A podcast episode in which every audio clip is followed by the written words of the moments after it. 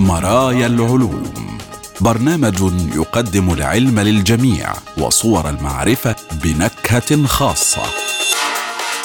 مرايا العلوم يسعى إلى اكتشاف عالم أفضل عبر جسر العلوم والتكنولوجيا.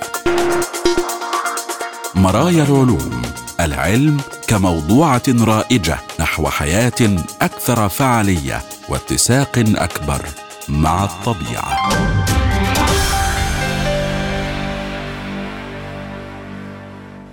أهلا بكم مستمعين الكرام وحلقة جديدة من برنامج مرايا العلوم حيث العلوم والحياة وصور المعرفة وتردداتها بلا حدود والسعي نحو غد أفضل يتسع للجميع ويفتح ذراعيه لعقول السلام. معكم أحمد أحمد وفي هذه الحلقة. كيف تتحدى التقلبات الكمومية نظريات الموصلية الفائقة. الآن نبدأ جولتنا العلمية.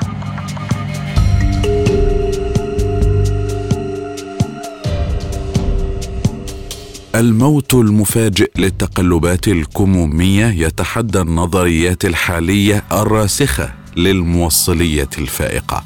اكتشف فيزيائيون من جامعة برينستون تغيرا مفاجئا في السلوك الكمي أثناء تجربتهم مع عازل سمكه ثلاث ذرات يمكن تحويله بسهولة إلى موصل فائق. يعد البحث بتعزيز فهمنا لفيزياء الكم في المواد الصلبة بشكل عام وكذلك دفع دراسة فيزياء المواد المكثفة الكمومية والموصلية الفائقة في اتجاهات جديدة محتملة.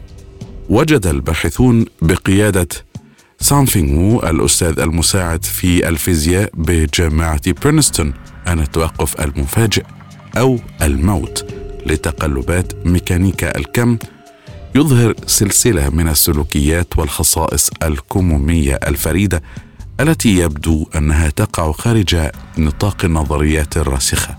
التقلبات هي تغيرات عشوائية مؤقتة في الحالة الديناميكية الحرارية للمادة التي تكون على وشك الخضوع لمرحلة انتقالية. ومن الأمثلة المألوفة على التحول المرحلي ذوبان الجليد في الماء. بحثت تجربة برينستون في التقلبات التي تحدث في الموصل الفائق عند درجات حرارة قريبة من الصفر المطلق. وقال المشرف على الدراسة إن ما وجدناه من خلال النظر مباشرة إلى التقلبات الكمومية بالقرب من التحول. كان دليلا واضحا على انتقال طور كمي جديد يخالف الأوصاف النظرية القياسية المعروفة في هذا المجال.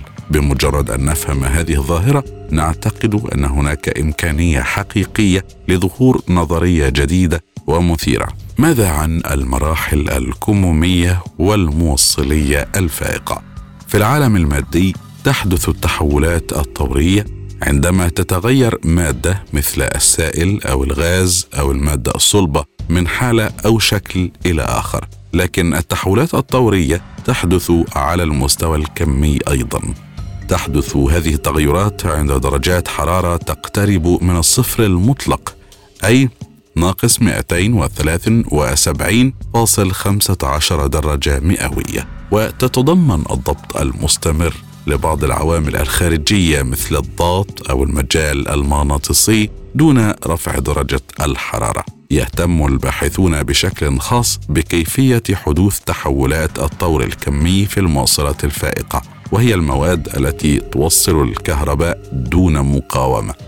يمكن للموصلات الفائقة تسريع عملية المعلومات وتشكل أساس المغناطيسات القوية المستخدمة في الرعاية الصحية والنقل والاستكشافات الأخرى.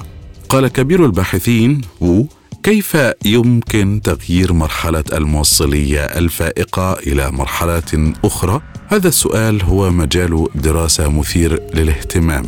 لقد كنا مهتمين بهذه المشكلة في المواد البلورية الرقيقة والنظيفة والمفردة المنعزلة لفترة من الوقت. وتحدث الموصلية الفائقة عندما تتزاوج الإلكترونات وتتدفق في انسجام تام دون مقاومة ودون تبديد للطاقة. في العادة تنتقل الإلكترونات عبر الدوائر والأسلاك بطريقة غير منتظمة وتتصادم مع بعضها البعض بطريقة غير فعالة في نهاية المطاف وتؤدي إلى هدر الطاقة. لكن في حالة التوصيل الفائق تعمل الإلكترونات بشكل متناغم بطريقة تتسم بالكفاءة في استخدام الطاقة. عرفت الموصلية الفائقة منذ عام 1911 على الرغم من أن كيفية عملها وسبب عملها ظلت غامضة إلى حد كبير حتى عام 1956 عندما بدأت ميكانيكا الكم في تسليط الضوء على هذه الظاهرة. ولكن لم تتم دراسة الموصلية الفائقة إلا في العقد الماضي أو نحو ذلك في مواد نظيفة ورقيقة ذريا وثنائية الأبعاد. في الواقع كان يعتقد لفترة طويلة أن الموصلية الفائقة مستحيلة في عالم ثنائي الأبعاد. قال فوان أونغ أستاذ الفيزياء في جامعة برينستون ومؤلف الورقة البحثية حدث هذا لأنه عندما تذهب إلى أبعاد أقل تصبح التقلبات قوية جدا لدرجة أنها تقتل أي احتمال للموصلية الفائقة.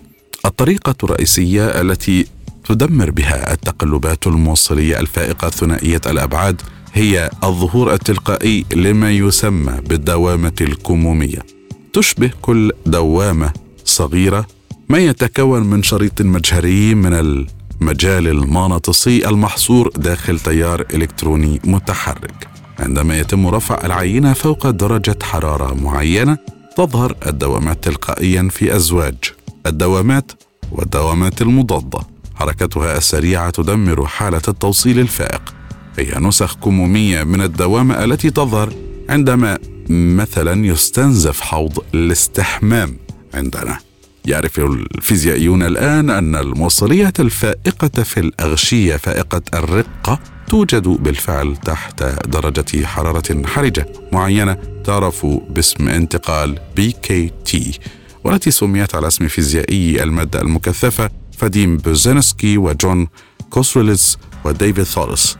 تقاسم الأخيران جائزة نوبل في الفيزياء لعام 2016 مع الفيزيائي دانكن هالدن أستاذ الفيزياء في جامعة شيرمان فيرتشايلد. ينظر إلى نظرية BKT على نطاق واسع على أنها وصف ناجح لكيفية تكاثر الدوامات الكمومية في الموصلات الفائقة ثنائية الأبعاد وتدمير الموصلية الفائقة ذاتها. تنطبق النظرية عندما يتم إحداث انتقال الموصلية الفائقة عن طريق تسخين العينة. وماذا عن التجربة الحالية؟ إن مسألة كيفية تدمير الموصلية الفائقة ثنائية الأبعاد دون رفع درجة الحرارة هي مجال بحث نشط في مجالات الموصلية الفائقة وانتقالات الطور. عند درجات حرارة قريبة من الصفر المطلق يحدث التحول عن طريق التقلبات الكمومية. في هذا السيناريو يختلف الانتقال عن انتقال BKT الناتج عن درجة الحرارة. بدأ الباحثون ببلورة ضخمة من ثنائي تلوريد التنغستن والتي تصنف على أنها شبه معدنية ذات طبقات. بدأ الباحثون بتحويل ثنائي تيلورايد التنغستن ببلورته إلى مادة ثنائية الأبعاد عن طريق تقشير المادة بشكل متزايد وصولا إلى طبقة واحدة رقيقة من الذرة. عند هذا المستوى من النحافة تتصرف المادة كعازل قوي جدا ما يعني أن إلكتروناتها لها حركة محدودة وبالتالي لا يمكنها توصيل الكهرباء. ومن المثير للدهشة أن الباحثين وجدوا أن المادة تظهر مجموعة من السلوكيات الكمومية الجديدة. مثلا التبديل بين مرحلتي العزل والموصلية الفائقة العكس والعكس على الأقصى. لقد كانوا قادرين على التحكم في سلوك التبديل هذا من خلال بناء جهاز يعمل تماما مثل مفتاح التشغيل والإيقاف اون واوف لكن هذه كانت الخطوة الأولى فقط. بعد ذلك أخضع الباحثون المادة لشرطين مهمين. أول شيء فعلوه هو تبريد ثنائي تيلورايد التنغستن إلى درجات حرارة منخفضة بشكل استثنائي حوالي 50 ملي كلفن. و50 ملي كلفن هي 273 درجة مئوية و 459 درجة فahrenheit هي درجة حرارة منخفضة بشكل لا يصدق حيث تهيمن تأثيرات ميكانيكا الكم ثم قام الباحثون بتحويل المادة من عازل إلى موصل فائق عن طريق إدخال بعض الإلكترونات الإضافية إلى المادة. لم يتطلب الأمر الكثير من الجهد للوصول إلى حالة التوصيل الفائق. قال تيان تشينغ سونغ باحث ما بعد الدكتوراه في الفيزياء ومن مؤلفي الدراسة الرئيسيين فقط كمية صغيرة من هذا الجهد يمكن أن يغير المادة من عازل إلى موصل فائق. هو تأثير رائع ومفيد علميا تماما. وجد الباحثون أنهم يستطيعون التحكم بدقة في خصائص الموصلية الفائقة عن طريق ضبط كثافة الإلكترونات في المادة عبر جهد البوابة. عند كثافة الإلكترون الحرج تتكاثر الدوامات الكمومية بسرعة وتدمر الموصلية الفائقة ما يؤدي إلى حدوث انتقال الطور الكمي. وللكشف عن وجود هذه الدوامات الكمومية أنشأ الباحثون تدرجا صغيرا في درجة حرارة العينه مما يجعل أحد جانبي ثنائي تلورايد التنجستن أكثر دفئا قليلا من الجانب الآخر. تبحث الدوامات اذا عن الحافة الأكثر برودة في التدرج الحراري وتنجرف جميع دوامات في العينه إلى الجزء الأكثر برودة بالفعل. لذا فان ما قام به الباحثون وبإنشائه هو نهر من الدوامات التي تتدفق من الجزء الأكثر دفئا إلى الجزء الأكثر بروده يولد تدفق الدوامات إشارة جهد قابلة للاكتشاف الموصل الفائق ويرجع ذلك إلى تأثير سمي على اسم الفيزيائي براين جوزيفسون الحائز على جائزة نوبل والذي تتنبأ نظريته بأنه عندما يعبر تيار من الدوامات خطا مرسوما بين موصلين كهربائيين فإنه يولد جهدا ارضيا ضعيفا والذي يمكن اكتشافه بواسطة نانو فولت متر. قال الباحثون يمكننا اذا التحقق من أن هذا هو تأثير جوزفسون. إذا قمت بعكس المجال المغناطيسي فإن الجهد المكتشف ينعكس. وقال أيضا هذا توقيع محدد للغاية لتيار الدوامة. الكشف المباشر عن هذه الدوامات المتحركة يمنحنا أداة تجريبية لقياس التقلبات الكمية في العينة وهو ما يصعب تحقيقه بطريقة أخرى. وسط هذا الحديث ماذا عن الظواهر الكمومية المدهشة؟ بمجرد أن تمكن الباحثون من قياس هذه التقلبات الكمومية اكتشفوا سلسلة من الظواهر غير المتوقعة وكانت المفاجأة الأولى هي القوة الرائعة للدوامات. اظهرت التجربة أن هذه الدوامات تستمر في درجات حرارة ومجالات مغناطيسية أعلى بكثير من المتوقع فهي تبقى على قيد الحياة عند درجات حرارة ومجالات أعلى بكثير من مرحلة التوصيل الفائق في مرحلة المقاومة للمادة. والمفاجأة الرئيسية الثانية هي أن إشارة الدوامة اختفت فجأة عندما تم ضبط كثافة الإلكترون أسفل القيمة الحرجة التي يحدث عندها انتقال الطور الكمومي لحالة الموصلية الفائقة عند هذه القيمة الحرجة لكثافة الإلكترون والتي يسميها الباحثون النقطة الحرجة الكمومية QCP التي تمثل نقطة عند درجة حرارة الصفر في مخطط الطور. فإن التقلبات الكمومية تدفع انتقال هذا الطور. قال الباحثون توقعنا أن نرى تقلبات قوية مستمرة تحت كثافة الإلكترون الحرجة على الجانب غير فائق التوصيل تماما مثل التقلبات القوية التي شهدت أعلى بكثير من درجة حرارة التحول المعروف ب BKT وأضافوا أنه مع ذلك ما وجدوه هو أن إشارات الدوامة تختفي فجأة في اللحظة التي يتم فيها تجاوز كثافة الإلكترون الحرجة. وكان هذا بمنزلة الصدمة. لا يمكنهم تفسير هذه الملاحظة على الإطلاق وهي الموت المفاجئ للتقلبات. قالوا بعبارة أخرى اكتشفنا نوعا جديدا من النقاط الحرجة الكمومية لكننا لا نفهمها.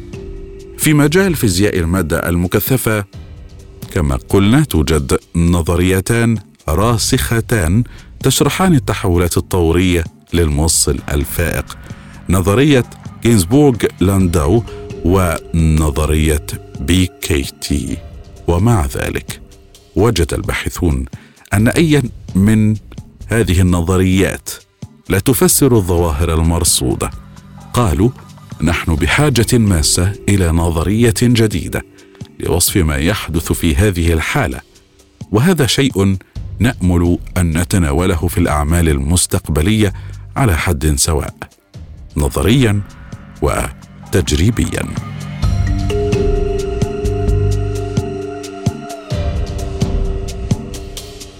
ما بعد الانفجار الكبير يكشف العلماء عن أسرار اللحظات الأولى للكون. تركزت جهود حديثة على رسم خريطة لما يسمى بالحساء البدائي. الذي ملأ الكون في أول مليون من الثانية بعد نشأته. قام فيزيائيون من جامعة إيوتفوس لوراند بدراسة مكونات النواه الذريه باستخدام مسرعات الجسيمات الثلاثة الأكثر تقدما على مستوى العالم. يهدف بحثهم إلى استكشاف ما يسمى بالحساء البدائي الذي كان موجودا في الكون خلال المايكرو ثانية الأولى بعد إنشائه. ومن المثير للاهتمام أن النتائج التي توصلوا إليها تشير إلى أن حركة الجسيمات المرصودة تشبه البحث عن فريسة للحيوانات المفترسة البحرية وأنماط تغير المناخ وتقلبات سوق الأوراق المالية. نعم لهذه الدرجة.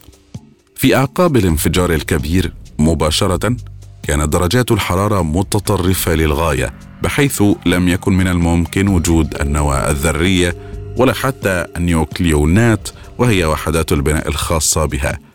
ومن ثم في هذه الحالة الأولى امتلأ الكون بحساء بدائي من الكواركات وال gluons. مع تبريد الكون تعرض هذا الوسط لعملية تجميد ما أدى إلى تكوين الجسيمات التي نعرفها اليوم مثل الشهيرة من البروتونات والنيوترونات. يتم تكرار هذه الظاهرة على نطاق اصغر بكثير في تجارب مسرعات الجسيمات حيث تؤدي الاصطدامات بين نواتين إلى إنشاء قطرات صغيرة من مادة الكواركات. تنتقل هذه القطرات في النهاية إلى المادة العادية من خلال التجميد وهو تحول معروف للباحثين الذين يجرون هذه التجارب. ومع ذلك فإن خصائص مادة الكوارك تختلف بسبب الاختلافات في الضغط ودرجة الحرارة الناتجة عن طاقة الاصطدام في مسرعات الجسيمات. يتطلب هذا الاختلاف إجراء قياسات لمسح المادة في مسرعات الجسيمات ذات الطاقات المختلفة مثل مصادم الأيونات الثقيلة النسبي في الولايات المتحدة أو مصادم البروتون الفائق ومصادم الهدرونات الكبير في سويسرا. هذا الجانب بالغ الأهمية لدرجة أنه يتم إنشاء مسرعات جديدة في جميع أنحاء العالم على سبيل المثال في ألمانيا أو اليابان خصيصا لمثل هذه التجارب. ربما يكون السؤال الأكثر أهمية هو كيفية حدوث الانتقال بين المراحل. قد تظهر بالتالي نقطة حرجة على خريطة المرحلة. الهدف طويل المدى للبحث هو تعميق فهمنا للتفاعل القوي الذي يحكم التفاعلات في مادة الكوارك وفي النواه الذرية. يمكن تشبيه مستوى معرفتنا الحالي في هذا المجال بفهم البشرية للكهرباء في عصور فولتا أو ماكسويل أو فاراداي وبينما كان لديهم فكرة عن المعادلات الأساسية فقد استغرق الأمر قدرا كبيرا جدا. من العمل التجريبي والنظري لتطوير التقنيات التي أحدثت تحولا عميقا في الحياة اليومية بدءا من المصباح الكهربائي إلى أجهزة التلفزيون والهواتف وأجهزة الكمبيوتر والإنترنت. وبالمثل فإن فهمنا للتفاعل القوي لا يزال في مرحلة مبكرة. وهو يجعل البحث لاستكشافه ورسم خرائط له من الأمور بالغة الأهمية. شارك باحثون من إلتي في تجارب على كل من هذه المسرعات المذكورة وقد أدى عملهم على مدى السنوات القليلة الماضية إلى صورة شاملة لهندسة مادة الكواركات حققوا ذلك من خلال تطبيقات تقنيات الفيمتوسكوبي. تستخدم هذه التقنية الارتباطات التي تنشأ من الطبيعة الموجية غير الكلاسيكية الشبيهة بالكم للجسيمات المنتجة والتي تكشف في النهاية عن بنية مقياس الفيمتومتر للوسط وهو مصدر انبعاث الجسيمات. يوضح مارتون ناجي أحد الباحثين الرئيسيين في المجموعة أنه في العقود السابقة تم إجراء عملية تنظير الفيمتوسكوبي على افتراض أن مادة الكوارك تتبع توزيعا طبيعيا أي الشكل الجوسي الموجود في العديد من الأماكن في الطبيعة. يحمل هذا البحث اذا أهمية كبيرة لعدة أسباب. في المقام الأول أحد أكثر السمات التي تم دراستها لتجميد مادة الكوارك وتحولها إلى مادة تقليدية هادرونية هو نصف قطر الفيمتوسكوبي ويسمى أيضا نصف قطر HBT مع الإشارة إلى علاقاته بتأثير هامبري براون وتويس المعروف في علم الفلك وهو مشتق من القياسات الفيمتوسكوبية. ومع ذلك يعتمد هذا المقياس على الهندسة المفترضة للوسط. وكما يلخص دانيال كينسس باحث الدكتوراه في المجموعة. إذا لم يكن الافتراض الجوسي مثلا هو الأمثل فلا يمكن الحصول على نتائج الأكثر دقة من هذه الدراسات إلا في ظل افتراض ليفي. فقيمة أس ليفي التي تميز توزيع ليفي قد تلقي الضوء أيضا على طبيعة المرحلة الانتقالية وبالتالي فإن تنوعها مع طاقة الاصطدام يوفر نظرة ثاقبة على المراحل المختلفة للمادة الكواركية وتقدم هذه المجموعات مساهمات كبيرة في نجاح التجارب بقدرات مختلفة بدءا من تطوير الكاشف وحتى الحصول على البيانات وتحليلها كما يشاركون في العديد من المشاريع والأبحاث النظرية. الأمر الفريد في هذا البحث عن تنظير الفيمتوسكوبي هو انه يتم إجراؤه في أربع تجارب في ثلاثة مسرعات جسيمات ما يمنحنا رؤية واسعة تماما للهندسة والأطوار المحتملة للمادة الكوارك.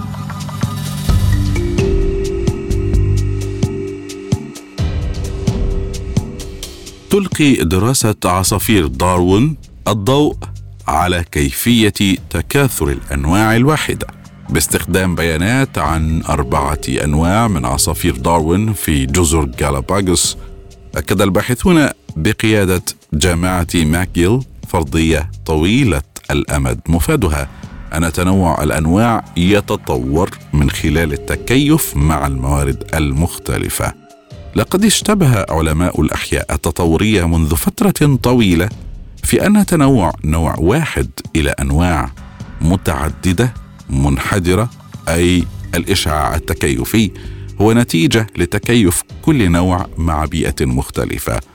ومع ذلك فإن الاختبارات الرسمية لهذه الفرضية كانت بعيدة المنال بسبب صعوبة إثبات العلاقة بين سمات الأنواع والملائمة التطورية لمجموعة من الأنواع ذات الصلة التي انحرفت مؤخرا عن نوع أسلاف مشترك قام فريق عالمي من علماء الأحياء بقيادة جامعة ماكل بتجميع ما يقرب من عقدين من البيانات الميدانية التي تمثل دراسة لأكثر من ثلاثة آلاف وأربعمائة عصفور من عصافير داروين في جزر كالاباغوس لتحديد العلاقة بين سمات المنقار وطول عمر العصافير الفردية من أربعة من الأنواع المختلفة.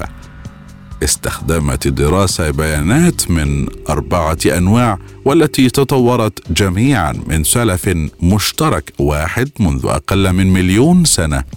حاول الباحثون التنبؤ باحتمالية طول عمر الفرد فيما يتعلق بصفات منقاره وجد الباحثون أن العصافير التي تتمتع بسمات المنقار النموذجية لكل نوع عاشت لفترة أطول في حين أن تلك التي انحرفت عن السمات النموذجية كانت أقل بقاء على قيد الحياة. باختصار تتوافق سمات كل نوع مع قمم اللياقه هكذا يطلق عليها. قمم اللياقه التي يمكن تشبيهها بالجبال على خريطة طبوغرافية تفصلها عن الجبال الأخرى. أودية ذات لياقه أقل. قال المؤلف الرئيسي مارك أوليفيه بوسولي باحث دكتوراه في جامعة ماكيل تتنوع الأنواع البيولوجية في شكلها ووظائفها بشكل رئيسي لأن السمات الفردية مثل المنقار يتم اختيارها من خلال البيئة التي توجد فيها الأنواع. ويقول أيضا نتيجة لذلك فتنوع الحياة هو نتاج إشعاع الأنواع تتخصص في بيئات مختلفة. وفي حالة عصافير داروين فإن تلك البيئات عبارة عن أنواع غذائية مختلفة. وربما من المفاجئ أن الباحثين وجدوا أيضا أن الأنواع المختلفة من العصافير التي تم دراستها لم تصل إلى قمة جبل اللياقة البدنية مما يشير إلى أن كل نوع لا يتكيف تماما مع نوع طعامه. ويبقى أن نرى ما إذا كان هذا الكمال سوف يتطور في نهاية المطاف.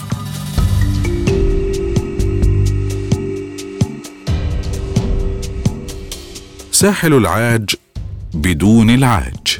انقراض هائل لأفيال الغابات الأفريقية في كوديفوار لقد فقدت الغالبية العظمى من المنطقة المحمية في كوديفوار فقدت أعداد الأفيال بأكملها.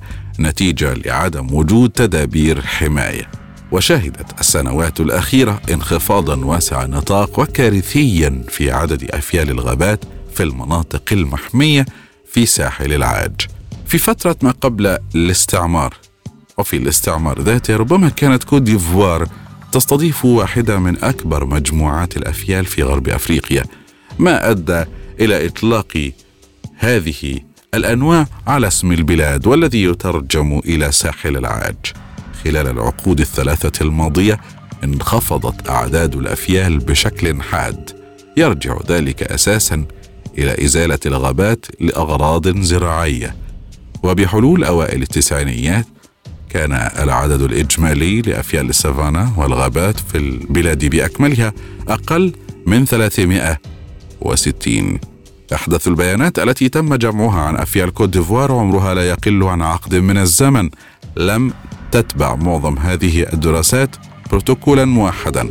لكن في الدراسة الجديدة يقدم الباحثون معلومات محدثة وموثقة عن توزيع وحالة حفظ أفيال الغابات في كوت ديفوار. قام الباحثون بتحليل أعداد الروث وسجلات الصراعات بين الإنسان والأفيال وحتى التقارير الإعلامية وبيانات استطلاعات الرأي التي تم الحصول عليها بين عامي 2011 و2017 ومن بين 25 منطقة محمية تم مسحها. تم تأكيد وجود الأفيال في أربع مناطق فقط حيث كانت كثافة الأفيال منخفضة وقد تم تحويل أكثر من نصف المناطق المحمية بالكامل إلى مزارع ومستوطنات وهناك حاجة ماسة إلى إجراءات حماية وإنفاذ القانون لحماية مجموعات أفيال الغابات المتبقية. إلى هنا مستمعينا الكرام نكون قد وصلنا وإياكم إلى خاتمة هذه الحلقة من مرايا العلوم. شكرا جزيلا حسن إصغائكم ونراكم دائما على خير.